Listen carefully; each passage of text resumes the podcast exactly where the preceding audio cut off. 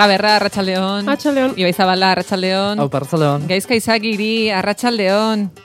Arratxaldeon. Ah, bueno, ze ondo entzuten da? Bai, ez da sumatzen. Jo, nara sumatzen da, e, Twitcheko izarra dela. Eske, que, claro. Osea, Claro, Gaizkaia hain pozik dago bere e, kobazulo horretan, ez duela e, kobazulotik bere setup horretatik atera nahi. A ber, e, Twitcheko izarra, e, izar gonbidatuak izarren ditudalako normalean, ez? Hola ja? E, bai, bai. Bueno, eske nago superpozik horrekin, ez da pozik nagoen, niretzat da. E, gaizka mesedez, bueno, hitz egin zazu, e, kontatu, kontatu zazu. E, bueno, aparte, claro, eske gaizka izagiri jauna. jauna. Bai, porque... E, Jauna? Bai, bai, zinematografia informatzaileen Ah. elkarteko kide berria da. Oh, güey. Eta feroz sarietan botu emango du. Zorionak. Eskerrik asko, eskerrik asko. Que fuerte, eh? Bai, bai. Eta, bai, berez, bueno, egia da, espaldi e, bidali nuela pixkat eskaera eta guzti hori, ze, bueno, e, gauza batzuk eskatza dituzte, eta ez da hain erresa, eta bai, ba, orain dela egun gutxi e, konfirmatu zidaten, sareta, bueno, lehenko email ez da gero saretan iragarri zuten, eta bai, pozgarria, ba, bueno, ba, aukera izango etelako feroz sarietan bozkatzeko, e, gainera, bueno, pasadiate ja pixkat pelikula guztien zerrenda zeintzu dian hautagaiak zeintzuket, etxetik bozkatu barret, eta zorionez gaina, e, esteka bidez ikusi izango ditut, e, pelikula guztiak, etxetik, beraz, pentsa zenolako e, konfinamendua pasako deten etxean. Ja. Le- Lehen eukasun privilegio hori, eh? Eta, eta oin gaina handitu da, oin ja filmoteki handiz dago da. bai, egia da, egin detela pixkat, e, ikusi barritudan gauzen zerrenda, ze, e, bueno, ez dakit, bueno, ez Excel dakit, taula ez bat egin duzu? zer egin barkatu? Excel taula bat egin duzu?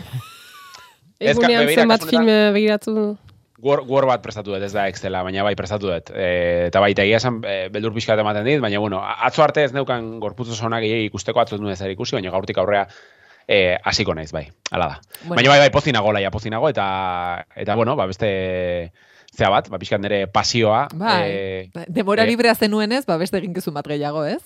Hori da, hori da. Oso ongi. Hori da. Ez baina, guai dago, da superinteligentia da, ze, berak bestela be ikusiko basan horre pelikulak. Orduan, errenta errenta errentasun gehiago eta ateotza da. eh, ez dugu ez baian jartzen inoiz gaizkaren eh, mugimenduen estrategiaren inteligentzia. Claro, Osea, claro. Beti dago, eh, eh, Bueno, gaizka, mesedez, baitz egintzazu Twitchi buruz, eh, egintzazu zure mm, iragarkia.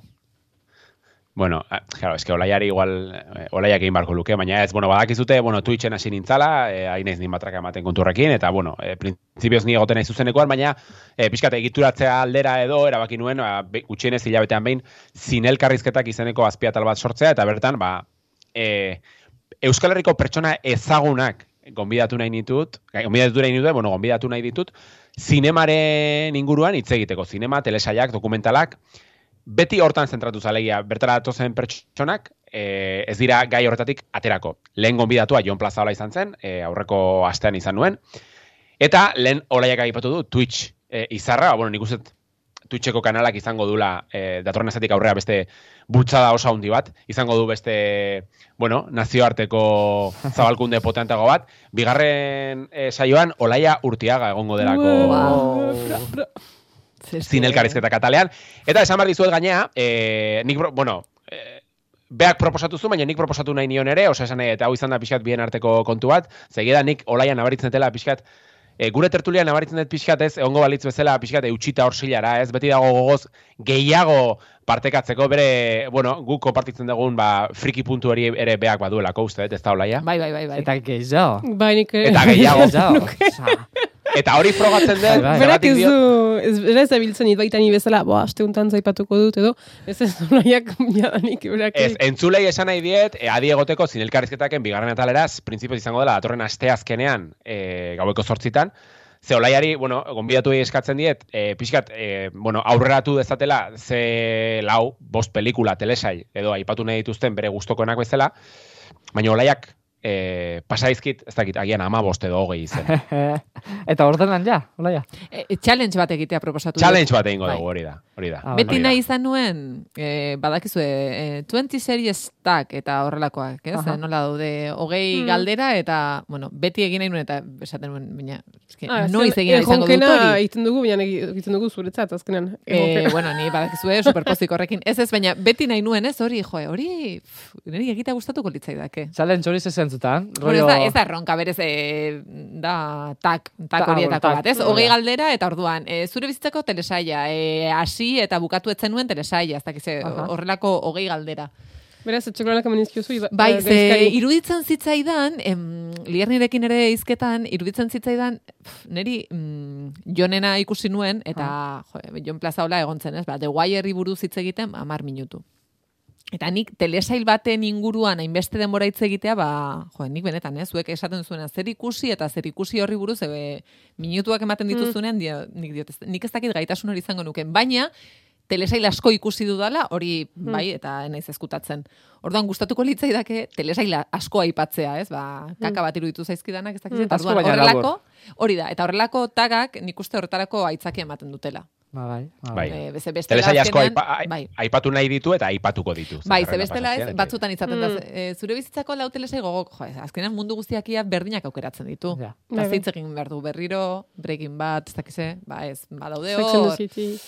Bueno, berekin bat aipatuta, olaia amu moduan entzulei esan adi egoteko zuzeneko horretara, ze, bueno, olaiaren guilty pleasureak eh, azalaratzeaz gain, bere argazki, eskutuko argazki Ba, batzuk edo fuertea. argazkiren bat ere Oh, aterako degula, ue. eh? Oh, ez da izango bat, eh, lauro dakiun bat.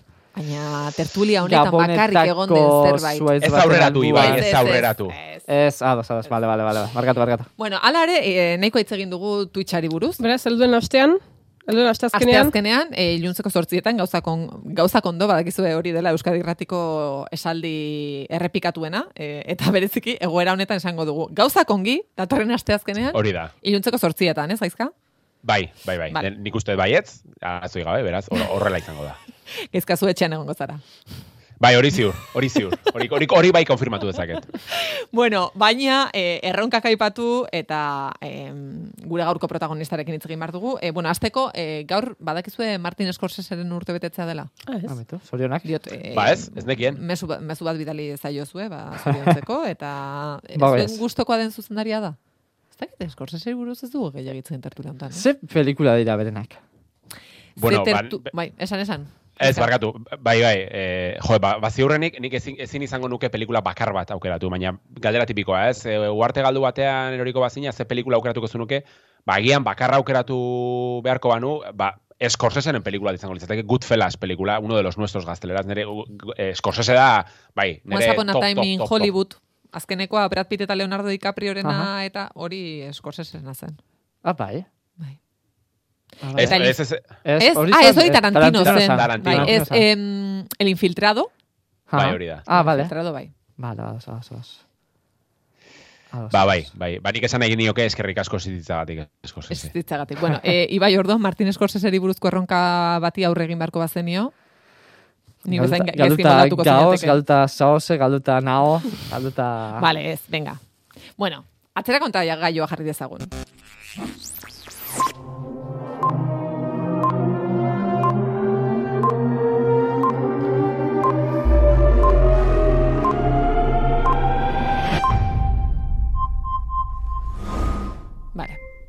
Bueno, ez dizugu Martin Scorseseri buruzko erronkari jarriko. Eskerrak. Baina zuretzat bi aukera prestatu ditugu. Esan genuelako, gaur iragartzen dugu ze bi aukera egongo diren gure Twitter, eh, gure Instagramean, Aha. Ibairen bideoaren azpian, eta gure entzulek bata edo beste aukeratu beharko dute. Da. Orduan, A aukera. Nork esan zuen, esaldi bat entzungo duzu, eta Aha. asmatu beharko duzu telesail bateko pertsonaia batek, edo politikari edo bestelako pertsonaia erreal batek esan duen. Wow. Vale. Eh, bau galdera bat. Entzunen du, egiazko, hau da, telesaila bada, telesaileko... Ez, ez, ez, ez. Zuek, E, ahots neutro batean entzungo du. Zer Ah. bestela pista hor egongo litzateke. Ahotsa behar bada Mm. identifikatuko luke. bai, bai. Edo ingeles ez dagoen eta gero gu gazteleraz, e, guk e, euskeraz idazten badugu, jakingo luke Beraz, Euskaraz emanen duzu? esaldia itzuliko dugu. Entzure guztiek uler dezaten. Wow. Ba, prepara. Vale, vale. Vale.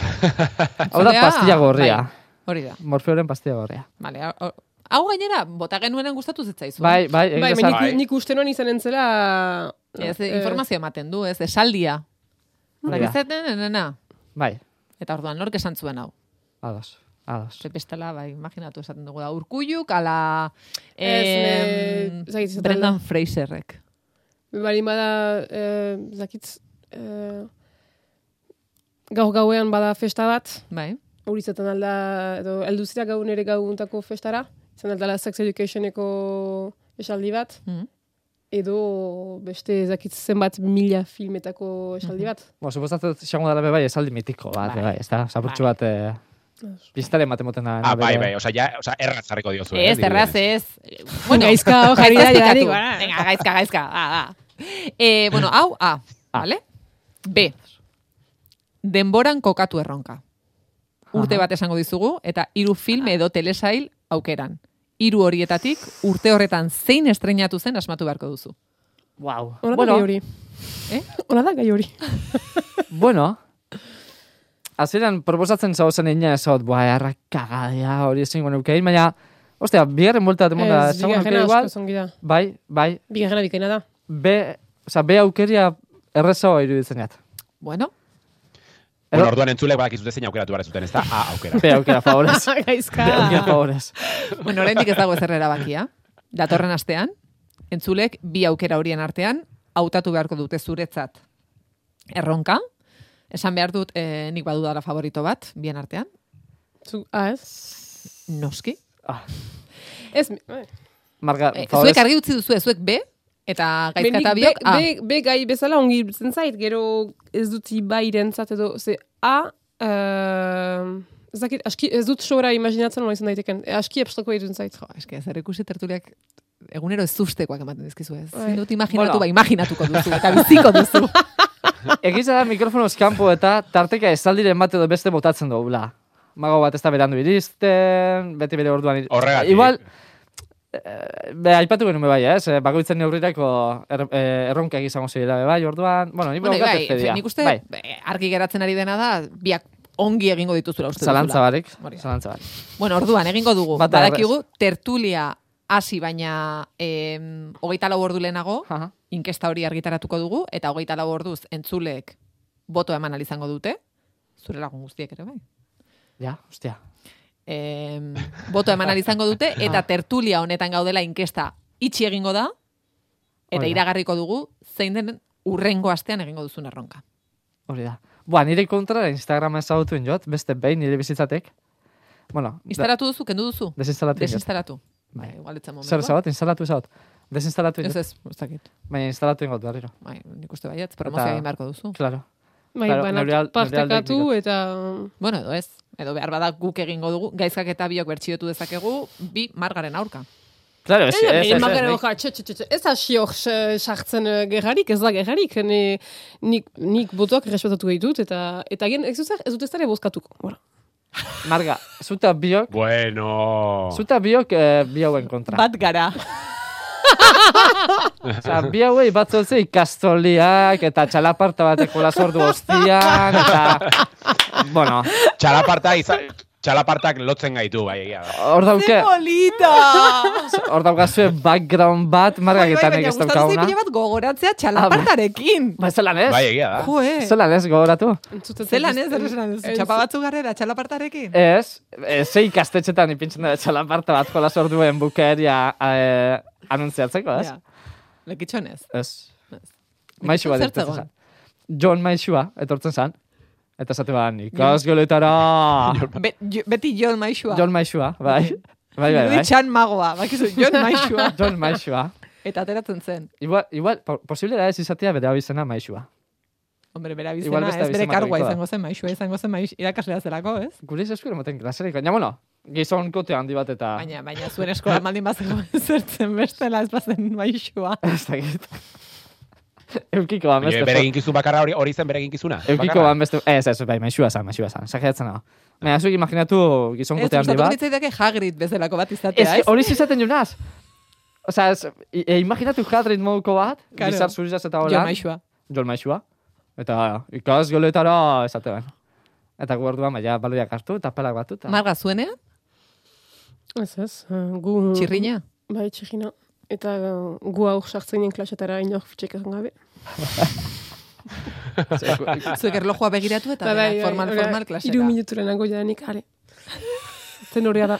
Ale, ale. E, bueno, vale, ba, jo, jo maixoaren ezagutu nahiko nuke egia esan. Bueno, animo, Ibai, datorren astean, e, emaitza.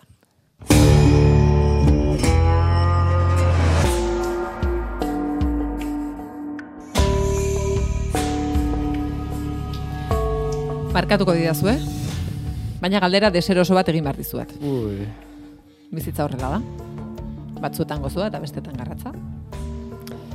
Bueno, tira, eh, dramatiko egi, eh, ez dugu jarri nahi, bueno, bai, baina galdera ordoa. Inoiz, esan alduzue telesail bat ikusia duzuela, baina benetan, ez duzue, atal pilotu ere ikusi. Eta esan nahi mesedez. Piz- Pizkat, eh, aludiuta senti dutenaz, momentu Gidoien honetan. jarri, jarrita zegoen, ibai, zu identifikatuta edo interpelatuta sentitu zara gai honekin. Bueno, ba, gizu, eh, duela aste batzuk inzientzi bat pasa zan hemen, eh, eta ez dut uste gure memoriatik haren jungo dan, Desainen, desainen, pelikulia. ikusi dut, Ikusi duzu? bai. Ikusi duzu? Bai, Nik behitut audioak. Zer? Mm. bai, bai, Ba, musikia, maizun ja. Nire defentzan, sekula ez dut esan ikusi dutenik, ikusi ez duten pelikula edo serie bat. Baina, Baina, desinformazio horrea ez jokatze bat, klaro. Ez dut esaten bez ez dutenik ikusi. On, galdetzen manazua ikusi duzu ba, seguntzeta, ez. Baina nire voluntade propiotik ez dut esango, ah, ba, nik ez dut ikusi. Marga pentsatzen ari da. ez, pentsatzen ez, egin duen ez dut uste. Uste dut hemen Eh, aski garbik erraten dola beti, ez dut ikusia, ez dut ikusia, hore, ez dut ikusia, ez dut ikusia. Uste dut maizago hartzen dola ez dut ikusi, ikusi dut baino. Beraz, uh, Gaizka? Ba, jo, egia esan gustatuko litzake joko pixkat ematea, galderra hori, baina eh, ez, ez da inoiz egin. E, gainera, eske normalean beti egoten naiz e, ikusi nahi horretan, osea, alegia jakintetenean gainera, irratian ipatu baritu duela gauza batzuk, eta egoten naiz etengabe ikusten, orduan, ez? Niretzako egia esan ez da, osea, ez da nire garunean sartzen horrelako horik egitea, ez detelako oso ondo ulertzen zergatik egiten duen jendeak egia da, e, osea, zergatik ulertu ezakete, ez? Ba, ez Game of Thronesen garaian, ba, zirudien, e, Game of Thrones ikusten ez bazenuen, pixkat, elkarrizketatik kanpo geratzen zinela, ez? Eta ulertu ezaket igual jendeak egiten zuela, ba, pixkat, ez, Bai, eh, eremu izango da. sozialetan. Bai, bai, baina adi, eh, datuarekin, ze e, radiotimes.co e, webgunean egin duten inkesta baten arabera, ikusi dituzten telesailen inguruko galdeketa erantzun dutenetatik, euneko berrogeita amabik onartu du, inoiz esan izan duela, telesail bat ikusi duela, naiz eta gezurra izan. Euneko berrogeita amabi asko irutu, Be, zait? depenitzen du, zenta hasten, erraten baduzu telesabelat ikusi duzula, eta ez baduzu ikusi, gero hasten badira galetzen, ah bai, eta pertsona hori izakitzen edo, ah, eta eta berdin zait, Alexek hori gaten dolarik, edo, boa, eta... Ez, baina orduan hor egin behar duzu, em, kapitulo bat atzera gozoa zela esan, Mhm. Ah, hori zuten. Ez, hau ere, artikulan esaten dute, e, kapitulu bat atzera gozoa zela, eta ez duzula elkarrizketarekin jarraitu nahi, spoilerrik ez entzuteko. Uste teknika oso ona da hori, eh? Oso teknika ona. Baina, hau, hau, hau, bai, bota, bota, bota, bota, gaizka. Ez, aipatu nahi nuen, oi, olaiak eman duen datu hori, eh, baina zoritxarrez, eh, sareetan eta interneten oroar asko gaientzen den tendentzia bat dela, frigatzen baldin bazetea pixkat clickbaiten kontu honekin, zenbat alditan sartu zeate, bueno, baina esango diazu inoiz ez, baina zenbat alditan sartu zeate eh, telesail edo pelikula bati buruzko, ez dakit, kritika edo gomendioa irakurtzera, klik egin eta batean egiten duen gauza bakarra da sinopsiari buruz hitz egin, ez? Sinopsia aipatzen du bla bla bla eta ez du esaten eh, gaina jartzen du eh, kritika spoilerri gabe edo ezakit zer, ez? Eta nabaritzen da pertsona horrek ez duela telesaila ikusi, baina sarea dago josita e, horrelako artikulu eta eta iritzietaz, eta ia da, nire ustez pixkat kezkagarria dela, ez? Bai, Baina, bueno, bueno, orokorrean, ez? Em, jakin gabe hitz egiten Bai. duen jendeaz josita dago mundua. Bai. E, Bai. Bueno, orduan, mm, Ibaik ez du ikusi duela esaten. Ibaik egiten du, desaininen egin zu, e, e, eta egia da, Bai. ez zenuen hitz egin, baina galdetu genizuna, baina ikusi duzu, esan zenuen, ez. Ez. Eta ez da lehenengo aldiz, bez? E, zein zan hau pelikula korearra... Parasitos. Eh, Parasite. Parasite. Bai. Parasiten be. Egin tertulio oso bat. Horren ingura hitz egiten eta ni. Bueno, Bai. Bueno, ba, e, ez dut esan lehen, The Shining ikusi dudanik eta gidoian ez dugu sartu, e, margarezain egongo garelako. Baina ikusi dut. etxeko lanak Eta ditut. bakatu, dun, nik ez. Ez. ni bai. eta gaizka, zukereaz. Ez, ez, ez, zoritxarrez, gau, zineman ikusi nahi nuen, zineman kendu zuten, eta Bai. ez, itxuiten ez, e, ba, etxean ikusteko, baina ez Ados. horrenik ez ikusi ez. Bo, eta nik berdut ikusi Sex Educationeko irugarrena. A, Bigarrena bukatu dut. Favorez. Eta ondo? Bai, bai, ongi, Bai. boa, pixkat luze egiten zaite. Bai, baina behar bada maratoia pixat fortzatzen ari zarelako Bai, jarraian pixkat, ikustera. Ja. Eske lehengo egunean beste lagun bati gauza bera gertatu zitzaion ez sex Mm. educationekin, eh? beste telesail batekin eta esan nion, egia da, nik maratoiak maite ditut, baina mm, gustatzen ez zaizki zuen ontzat, Ez, ez, fem, ez telesail ez zaizulako bai, gustatzen, ez, baina diot, hainbeste jarraien ikusterena, zuk esan Bai. izan diguzu, ez duzu maite Ez, ez. egoera horretan egotea, eta behar bada horregatik ere, izan liteke. Baian, eginen dut. Ui, ekaina aintzin, hitz emate ditut, aipatuko dugulak Sex Educationeko irugarren eh, demoraldia. Bueno, em, iruditzen zaizue zuen zer ikusietara joaten bagara? Oso ondo. E, Noski. Bueno, gaizkaren gomendiotatik hasiko gara, e, Yellow Jackets entzun behar du. The question is, what really happened out there? like any hot blooded one. We scavenged. We starved. After they rescued us, lost my purpose. I can't imagine Gaizka, zer esango zenuke? went through out there.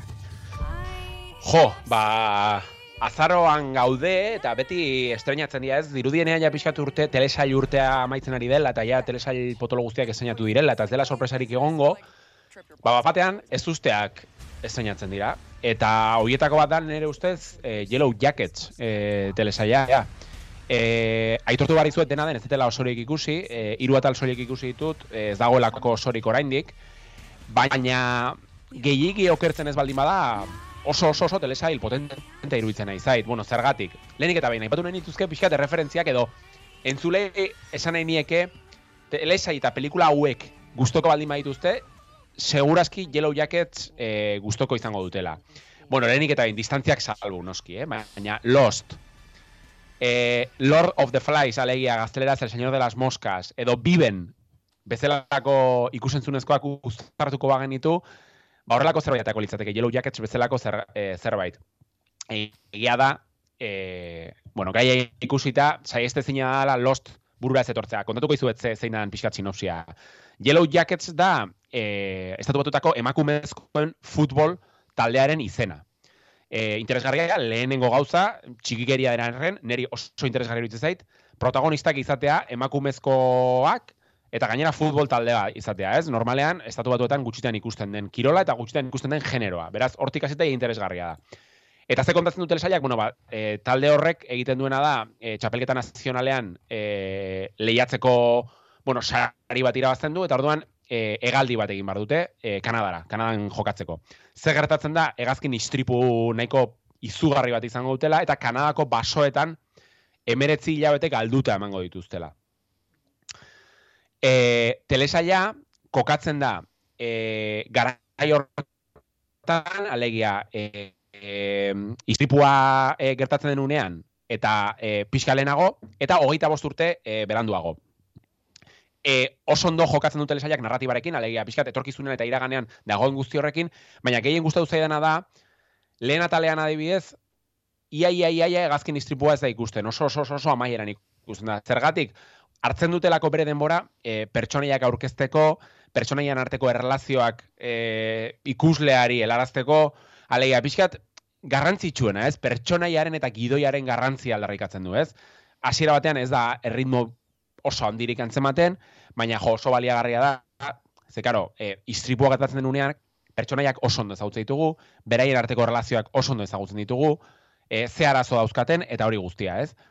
E, momentuz, esan dizu dezan bezala, e, oso potente iruditzen nahi zait, e, aurpegi nahiko ezagunak, Christina Ricci, Juliet Lewis bezalako aktoreak adibidez topatu daitezke, eta, eta nik gertutik jarraituko nuke, e, thriller femenino indartxu gisa, e, ba, urte bukaerako, telesail nabarmen horietako bat izan, daitelak, izan daitekelako, berriro diote, eh? gehiegi okertzen ez baldin bada, eh? tentuz esango dut guzti hau, ze ez dakit nola amaituko duen, baina ikusiko nuke hau ez eta aipatu Movistarren daukazue ikusgai. Ba, Movistarren e, Yellow Jackets, hori gaizkaren lehenengo gomendioa zen bigarren trailerra entzutera.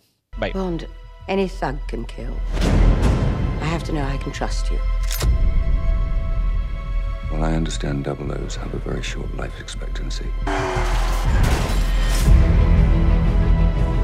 You're a kite dancing in a hurricane, Mr. Bond. Is this really what you want? Always alone? Beno, James Bonden azken filma ikusteko denbora eman zizun. Ba, bai, bai, kostata, ze, bueno, badakizue ze matraka eman zuten pelikula honekin, bai konfinamendu hasiera, bai konfinamendu gerora, ze, bueno, atzeratzen joan egin da, etengabe pelikula hau, e, ba, COVID-aren eta bar, eta bai, azken ik- ikusi dut, askotan aipatu izan dut tertulian, niretzako e, orokorrean James Bonden pelikulak oso e, gain baloratua daudela, iruditzen zait, orokorrean nahiko pelikula kaskarrak direla, Baina, hau esan da, e, iruditzen zait, e, Daniel Craigek egin dituen pelikulak izan daitezkela, e, agian e, Sean Conneryrekin batera, ba, egin diren onenetarikoak, ez? Eta azken hau, No Time to Die izenekoa, iruditzen zait gaina, e, Daniel Craigek egin dituenen artean, Skyfallekin batera onenetarikoa. Gustatu zait, baina gustatu zait, oso argi izan da zer noan ikustera, alegia. E, James Bonden pelikulatik ikustera noanean ez noa ikustea... Txonei, bai kaldera bazuen. Honenetariko Ah, bat bai. James Bonden eh, saga moduan ulertuta, edo honenetarikoa pelikula moduan, den oso? Ez ez, saga, saga borruan, saga Ah. borruan. Ah, Ez, ez, ez, ez. Bai, ze azkenean, e, esaten egona, ez? Osea, ba, badakizu ze ikusten zoazen eta hori da eskaintzen dizuna, ez dizu besterik saltzen. Alegia, akzio sekuentzia ikaragarriak, ikusgarriak. Pelikula oso entretenigarria eta oso frenetikoa da. E, hori eskaintzen du, o- osea, hori ematen du, hori saltzen du eta hori ematen du. Hortaz gain, iruditzen zait, dela sagako e, egilea gehien antzematen den James Bond, hau da, azalduko dut. E, zuzendaria da, pelikulonen zuzendaria, bat, normalean beti desberdinak izaten dira, ez, pelikula guztietan. Zuzendaria da Keri Joi Fukunaga, tipo hau da, bueno, azken urteetan, batez ere ezagun egin da True Detective e, telesaia sortu zuelako, eta iruditzen zait, egile bezala, zuzendari bezala, bere aztarna, asko antzematen dela pelikulan. Hori alde batetik, eta bestetik, nola ez, Phoebe Waller-Bridge, badakizue, gidoien, gidoilari moduan, e, bizpairu pertsonek osatu dutela gidoia, eta horien artean Phoebe Waller-Bridge. Eta garrantzitsua eta interesgarria da, ez bakarrik bere izanagari delako, baizik eta egin duen lanketa, pixkat genero ikuspu, ikuspu egitik, ez? Pelikulan kritikagarri, gauza kritikagarri asko daude, baina horien artean zalantzari gabe emakumeari edo emakumearen inguruan e, egon den pixkat sortuen iruditeria, ez? Dena oso objetualizazua, sexualizatua, eta bar, badakizue James Bonden pelikulan emakumeak ba, ez direla oso, oso ondo ageri, ez? Baina, pelikula honetan nabaritu dut, emak, neurri batean, emakumeak ahaldunduagoak ikusten direla, Ana de Armasen pertsonaia adibidez aipatuko nuke ez. Orduan, bueno, osagarri txiki guzti horiekin iruditzen zait pelikula oso interesgarria dela, e, eta era, errepikatuko dut, eh? E, hau ez nuke kokatuko, ez dakit, e, urteko pelikula honenen zerrendan, e, ba, bueno, ba, ez, ez dauzkalako oso or, or- alegia mamia, e, trama edo e, kontatu nahi duena gaia, ez delako ere ez, dakit zure bizitza da- aldatuko duen gai bat, ez? Baina, joe, zinemaretoko pantalla erraldoi batean ikusteko pelikula horietako bat, iruditzen zait, ezin hobea. Beno, bau, bigarrena, entzun dezagun ikusi duen hirugarren gomendioa, edo, bueno, Bai. epamena. Bai. I know most people don't think about us up there in the mountains. Many of my patients are miners. It's dangerous work, and they carry the burden of building this nation on their backs. They're in pain. Beti bezala automatikoki gomendio hitza erabili dut, baina ez dakit dope sik eh, gomendio den. Bai, bai, bai, ba, gaur nahiko positiboan ator eta gomendioa da. Hau Disneyen estrenatu da, aste honetan, e, lehenengo atala, baina hau bai, eh, lehenago ikusteko aukera izan dut, ja osorik ikusit, eta gomendioa da. Bueno, enik eta behin deigarriena. E, protagonista nagusia Michael Keaton dela, e, bakizue Batman izan dakoa, gerora Birdman pelikularekin pixkat berpiztu zen aktorea, baina bueno, egia da azken urteotan pixkat, ez dut esango ostrazismoa, baina bueno, bere garaian eukizuen arrakasta, baina azken un aldian pixkat galduta bezala ibili da, ez, Michael Keaton. Eta zer kontatzen du pelikulak, bueno, ni galtu nahi nizuen, e, ez zaizu deigarria egiten, bueno, neri behintzat egiten zaite, eh? baina e, Hollywoodeko pelikulatan zenbatetan ikusten dugun e, protagonista bat juten danean adibidez komunera edo nadalakoa irikitzen du komuneko armariotxoa eta zenbat e, pote laranja eukitzen dituzten medikamenduekin eta ez? Ez zaizu deigarria egiten? Bai. Bai, egiza. Bueno, ba, bueno, eta hori gertatzen da pelikuletan eta gizartean ere, eh? Osea, orokorrean hori horrela da benetan. Bueno, ba, pelikula honek kontatzen duena da, in zuzen, e, benetako historio baten oinarrituta dago neurri batean, ez gidoia, baizik eta, bueno, pertsonaia batzuk lantzeko eta bar, e, estatu batuetan opioideen adikzioaren aurkako borrokaren epizentrora eramaten gaitu, Eta kontatzen duena da, ba, opioidek, alegia, e, bueno, pilula hauek, opioideak dira, ba, bueno, pixkat, e, minaren estimuloa inibitzen duten sustantziak edo, esango nuke, naiz hontan aditua, baina, bueno, efektu analgesiko moduko eragiten dutela, eta estatu batuetan, ba, ba daude oso oso, oso barneratuak, eta ba, jendeak kontsumitzen ditu iaia ura izango balitz bezala, ez?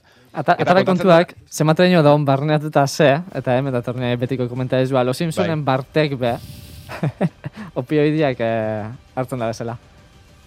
Los Simpsonen nun esan dezu? Bart, Bart eh, pertsonaia. Ah, bai? Bai. Bai, bai.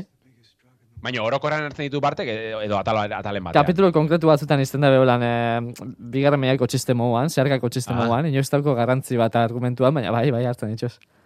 Ba, bueno, ba, ba, ba, ba interesgarria da Ibai aipatzen duen hori, ze hain txertatu dago gizartean, ez, normalizatzen dituztela be- beraien gidoietan, ez, baina hemen kontatzen duena da, ze e, larria izan zen, batez ere, laro gita marreko amarkadan, e, kasu honetan oxikontin izeneko droga eztabaidagarri bat sortu zutelako laborategi batean, ba, bertan, ba, bueno, pixkat, e, ba, jendeak zituen minak eta nolabait saiesteko edo, edo pixkat baretzeko, ze adikzio eragin zituen, zenbat hildako eragin zituen, e, telesaila kasu orala da, egia da Michael Keaton aipatu etera, baina aktore asko ageri dira, eta telesailak hiru mailatan kokatzen du, lau mailatan kokatzen du pixkat narratiba, ez? Lehenik eta behin, sortzaileak, bestetik komertzialak, alegia, pastilla usaldu behar duten hoietan, gero medikuak eta gero ja bezeroak edo pazienteak, ez? Orduan, pixkat ikusten dugu lau maila hoietan zer egin izan zuen, ba, kasu honetan e, medikamendu edo pilula edo nahi, nahi zuten honek, ez?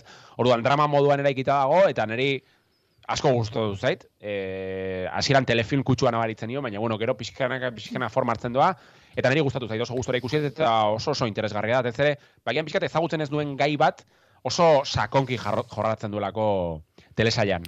Dope, Sick, Disneyen. E, Marga, Disneyen. zure aipamenekin goaz, entzun dezagun trailerra, azteko? Dear Dick, this is about obsession. This is about me missing you, even though I've never met you, Dick. Marga, Amazonen ikusi duzu I Love Dick. Em, Asi tele- naiz ikusten, ez dut uh, gezurrik eganen. Eh, gaurko tertulian oso, oso, oso sinzeruak izaten gauz, Bai, eh? Gauzak, Bueno, argi. beti, beti Ez, gara. moria, beti beti, gara. nik ez dut, beti egan dut. eh. Bai, bai, bai. Friendsena jaten aluen ez ez, eh? barkatu me... Ai, mesedez, ze momentu ona. bai Bon, ez gira behitz... Uh, Ez, bai, gota, gota. Ez bueltarik ez diogulako Ez, emango. bai, ezin da, ez da posible. Beraz, nahi dut, gauzak uh, etapa, badira, badira, iritsi naiz I Love Dick begiratzen astera Amazonen. Eh, Hori aintzin, eta bakalerara joan naizelako, Chris Kraus pelikulak lehen eta gero erakusketa ikustera. Eta erakusketaz gain, beraz Chris Kraus uh, mila, uh, mila eroporritama bostean, estatu uh, batuetan sortutako uh, artista, zuzendari, gidoilari, uh, zuzendari uh, handia da. Eta eraz, uh, tabakleran erakusketa bat uh, eskaintzen diote orain, right now. Eta proposatzen dituzte, ez zen ez nituen, um, arte garaikideari, garaikidera hurbiltzeko ikastaro batzu, arte makina, izenekoak. Eta eraz, jo naiz, arte makina uh, izeneko ikastaro horiek egitera, Chris Kraus uh, pelikulak lehen eta gero erakusketari lotua. Beraz, hor, eta, beraz, ja, ulertzen duzen. Eta ikastaro, hor- ea, longi espikatzen duan. Eta ikastaro hortan, eh, horren helburua da, ikastoro horien helburua, arte makinaren helburua da, uh, arteren inguruan, um, be, fe, lesta, eh, espazio bat lort, eh, sortzea artelenak eh, eh, aipatzeko, sakontzeko, eh, ez nik arteaz ez dut ulertzen edo hori eh, be, depasatzeko, eta guztion ezagutzak kabitzen diren espazioa sortzeko esmo dute. Eta um, enuen ezagutzen, ze, donosti miten ez, baina enuen ezagutzen hori bezenik, eta beraz, biziki indesgarria dutu zait, bi orduz uh, erakusketa bat uh, bia puntuzat hartuz, nola uh, besangotzen alden. Eta eraz, kasu hortan, estibaliz um, sadabarekin uh, zen um, saio hori, beraz, bere artista da, eta do, artean eta ikerketan uh, doktorea. Eta proposatu dugu beste irakurketa bat, eh, eta berak aipatu digu, I Love Dick uh, telesaila. I Love Dick telesaila abiatzen baita Chris Krausek idatzitako I Love Dick izeneko novela batean. Taran, denak badu, dena, Dena dena. Eske marga, osea, Dana lotuta. Benetan. dena lotu da. Eta, um, Megera, plazera gintzen, zenta um, liernik, erranit, uh, I love Dick begiratzen hasi zela, berak ere, bera ere biziki zintzokik, eh, berak ere biziki zintzokik errantzian, tele, eh, atal bat edo bi ikusi zituela. E, baina netzekiela uh, Chris Krausen uh, liburuari lotua zela. Nik uh, ule, uh, saioan ulertu dudanagatik, uh, Chris Krausek ez du Uh, hau da, bere liburua, bere liburuan uh, oinarritu dira, Jill Solowayk, uh, Soloway zuzendariak egin du um, telesaila, uh, eta iduriz, ulertu dagatik, Chris Krausek ez du fitxek galdegin edo ez da sartu. Gero irakurri dut ere, beste nunbait, uh, gidoiak, gidoietan parte hartu zuela. Bon, ez dakit, baina, ulertu dagatik, askatasun handia um, ukandu uh, Jill Solowayk hori uh, telesail bezala bilikatzeko. 2008an, uh, atera zuen, uh, atera da Amazonen, liburua mila batzen da leroita amazazpian uh, uh, argiteratu zen. Eta autofikzio bat da.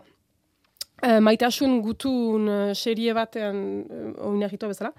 Uh, bidalga, bidaligabegak diren uh, maitasun gutun batzu. Eta gutun horiek, uh, uh, entzun duzen bezala, dik izeneko gizon batu zuzenduak dira.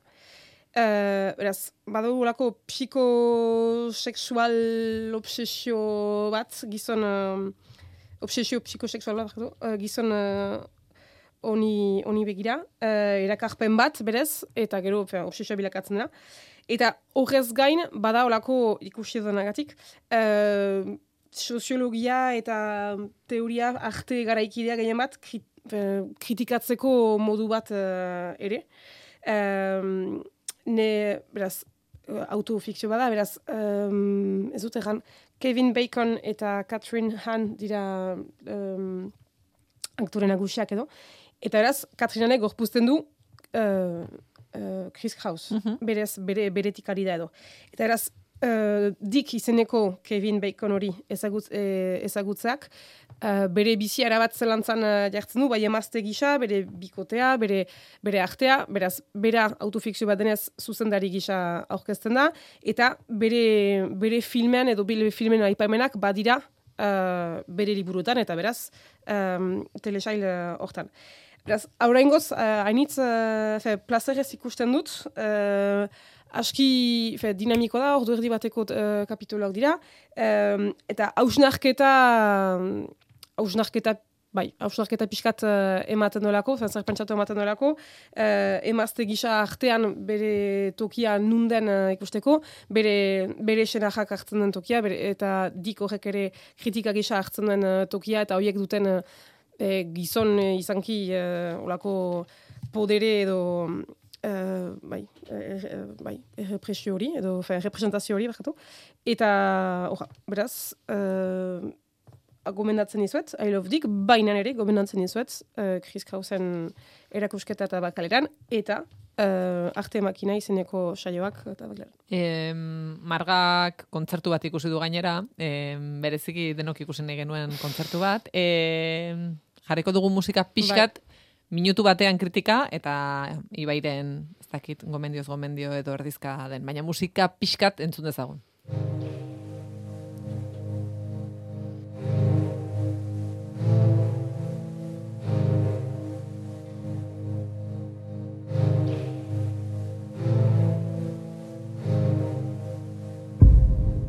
washed in thick black haze.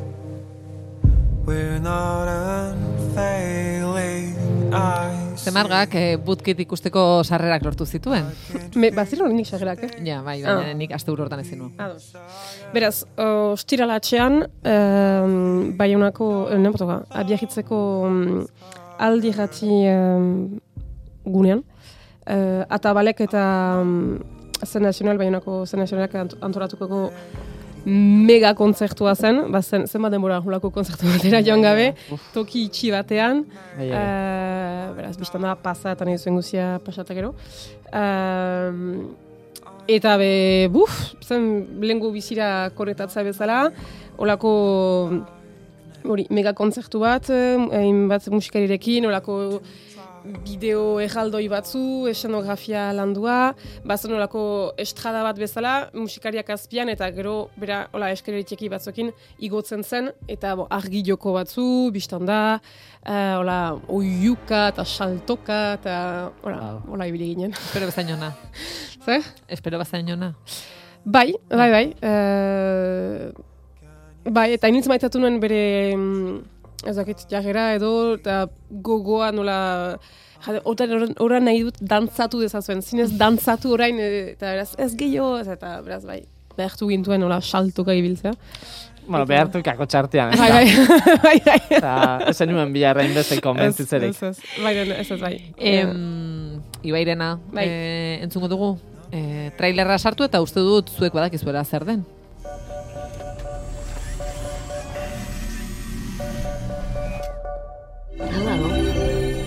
Ibairen gomendioa. Jo, nola gauden gaur? Gaur dena gomendioak dira? Bai, bai. Itxoin, itxoin apurtxo bat. Ai, pff, Passenger, eh, pelikulia, duela lau urte estrenatu zen pelikula bada. Zuzendaritza da Morten Tildum, justo margak aipatu eban, Enigma, Enigma ez barkatu, The Imitation Game pelikulia, ba, pelikula horretako Enigma zuzendari, hori da. Ah, bai. Pelikula horren zuzendari berak, zuzendu eban pelikula bada hau, eh, Passenger. Zeren inguruan doia, bueno, Passenger, pasajeros, bidaiariak, eh, pelikula honek kontatzen dagoena da, lur planetatik beste galaxia baten dagoen planeta batera bidaiatu behar da gure protagonistak, eh, nabe espazial baten, kontua da, hain da urrut izena, eh, planeta hori egun da hogei urtetako bidaia badala. Eta pelikula honen grazia da, ba, egun da hogei urte horretan, lo, letarguan pasa behar da pertsonaizak, ba, beste planeta hortan dagoen kolonia hortara, ba, bizirik heltzeko ez da, ez, hori da plana. Nun hasten da problemia, asteroide batek espaziontzi hau golpeatzen dau eta gure protagonisten e, oe kriogenizatu horrek, ba, estropeatu itzen dira eta hainbeste mila pertsonetatik bi esnatu itzen dira. Eta bi hauek dira Chris Pratt eta Jennifer Lawrencek gorpuzten da bezen bi, bi pertsonai. E, Jim Patterson eta Aurora Lane. Pelikulia monotonua da, e, egiza da olako ze galdera trascendental batzu bai botatu zula, ez? Ostea, bai, erraputadia, e, espazio ontzi hortan hilbigara, ze azkenean, e, ez dut esan, baina egun hogei urteko bideia bada, eurak laro mar urte lehenago esnatzen dira, eta ja, daoz kondenatuta, espazio ontzi hortan pasatzera euren bizitza guztiza, eta euren bizitzako amets guztizak eta zapustuta e, geratzen dira. Eta, bueno, esan da, ba, ba, saiatu ingo gara, ba, buelta bat emoten horreni kontuari, eta hori dana, Eta bueno, bai, e, oztopo bat zuri eta emilotze aurre, baina orokorrean esango neuke bastante pelikula monotonua dela, observazionala zentzu baten, espazizuen inmensiadien edertasuna ikuste oso eta hori dana, eta irudi aldetik eta efekto espezial, efekto berezi aldetik oso ondo dago pelikulia. Eta duela lau urte ur- urte nintzen gustora, zein aretotik, guztia daten, eta, eta gomendio bat e, dala, esango neuke. Baina, astelenian e, telebizioan espainoan ikusten joan berriz, kasu hontan ja iritzi aldatu inaten. Ibairen ez gomendioa. Bueno, konturatzen zarete, eh, ina, una, eh, oi, unai, jama, eh, Ibaik dagoeneko saio honetako realizazioa ere mareiatzen duela. Eh, berak teknikoei esan die, orain sartu hau eta orain sartu beste hau. Hola jaren bai. Dena den, eh, berriro ere, berriro ere, Ibai, eh, bere gaztetasuna kolokan jartzen, eh? Televisión espainolan ikusi zenuen pelikula bat zuzenean. Eh, ja, eh, bauko justifikazioa. Eta behar bada horregatik orain aldatu da iritzia, baina, bale, bale, bale. Bauko, bauko justifikazioa, baina hori, hori kaina baten bueltan kontakotzuet. Eh, ez da gomendio bat, pelikula hau, lau urteen ostian eh, berrikusiot, barriro. Claro, kontatu batzuet, ez? Bi pertsona Bai. eh, dauzela kondenatuta euren bizitza espaziontzi hortan pasatzera. Claro, zer da ez da zutena konta berez, pelikula hontan urtebete lehenago esnatzen da eh, krisen pertsonaia, dala Jim, Eta pasaten da urtebete oso bat eh, espaziontzi hortan norea zian ez dakizela zerrein. Ze, ba, bera, bere burua ja kondenata ikusten dau.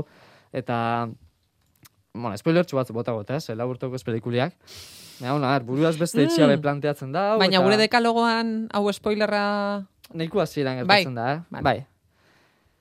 Bueno, zuke momentu hortan itxosuna empatizatu gure protagonistiaz, Jimeaz empatizatu itxosu, ze bere ikus, bera da protagonista nagusia eta bere ikus puntutik bizitza oso esperientzi guzti hori. Esnatzen da, bizitza guztiak kondeneta dauko, ez da oso baherra penia, super joduta do tipua, eneuken nahi bere lekuan egon, da kontua dala, berak, bere akseinu egoista bateaz, e, ikusten dugu beste milaka pertsona kriogenizatuta, dozen milaka pertsonen artean begira goten da, eta maite mintzen da, bertan kriogenizata dagoen emakume bateaz, dala Jennifer Lawrence, dala e, Aurora Leinen e, pertsonaia gorpuzten da bena. Eta orduan berak urtebeten ostean deziditzen dau e, Aurora esnatzia eta holan, bale, e, ja konpaniz daukazu zure bizitza guztirako, baina beste pertsona baten bizitzea izoratu berri oso. Eta gero ikusten dugu Aurorak baukazala beste plan batzuk etorkizunerako zirinak, itzalak, zala kolonia hortara bidaiatu, bertako e, dana dokumentatu eta liburu bat idatzi, bueno, plan masibo batzuk, eta e, Chris, oza, Chris, ez barkatu, e, Jim honek, etxotzuna da, bizi guztia izorratu. Eta, pelikulia kontatzen da, lehenko Chris esnatzen da, guk e, beraz empatizatzen dugu, eta gero Jennifer esnatzen dugu. Oza, barkatu, Aurora esnatzen dugu. Baina, bueno, pelikula honei gomendatuko, osea, emo neuntzan beste buelta bat, eta ingo neukena da, historia hau beste modu baten kontatu, eta e, Auroran ikuspuntutik kontatu. Eta ideala hau izango zen pelikulia sortu, e, hasiko bazan, Auroran ikuspuntutik. De repente, esnatzen dala espazio ontzi hortan, eta dago beste tipo bat, dala Jim, daula urte bete bertan esnatuta, da, jo, arrapenia tal, no seke, baina gero era plot twistmuan kontuatzen zaila, Jimek berak esnatu da bela, Aurora. Orduan guiak ez ipiniko ginen Auroran papelian. Honeaz esan nahi otena da, Jimen akzinua egoista hori justifikatzen da bela pelikula honek, e, Jimen ikuspuntetik kontata pelikula hau. Eta guzti honetaz, e, lau urte berandu kontuatu naz. Gero, e, lehen honaz e, hitz egiten, berandu behar aldu nazan mesuak eta lierniaz hitz egiten e, pelikula honen gora bera, berak lierni pelikusitako. Eta nire nintzen konturatu, baina egiz da pelikulien e, resoluzioa edo, edo, edo bukaeriak baukola, olako kutsu bibliko bat, e, space biblical moan deitzu dutzen berari. Ni nazena konturatu, baina egiz da dana. Eta, ba hori, oso pelikula estatu batu ara. E, gustatu zaita asko zure gaurko kritika, ze ez da soili kritika bat izan, baizik eta zuzendariari esan diozu pelikula nola egin bertzuen. Ja, nor, Iruditu zait, e, Urrengorako, ja, ez, hau, ez zuen horrela izan behar, izan behar zuen, orduan esnatu bertzen, eta honi esan hau, oso ondo bai. Hori da kritika konstruktibo bat. Ez? Egia da, kritika konstruktibo bat, da. E, aizue, Claro, ba- la, la, aipatu du lau urte pasa dialaga, baina lau urte hauetan ze pasa zaizu garrantzitsua, Ibai. Tertulia, tertulia hau egon Claro, bat artean, tertulia eta, claro, lau urte hauetan... Argazkia ja motz geratzen zaio. Bai. Lengo egunean pare bat argazki gaizkari atera, e, pff, ez, orain, orain bideora, e, baina bideora film luzea, mm, Bere zazuean esan zuen, nazela mm, bustinezko olako masakote bat ondino moldatu Ez, barik, ez, eta gara. zariela, hori, neuri formia ematen ba ez duzu gure berri. izugarria. E, Jo, hor, hor, barkatu, eh? Es, espazio... Gaizka iragarkiak, gaizka tertula utzi Ah. bat dugu. Bai. Vale, datorren astera Aio. arte. Vale, jo. I do try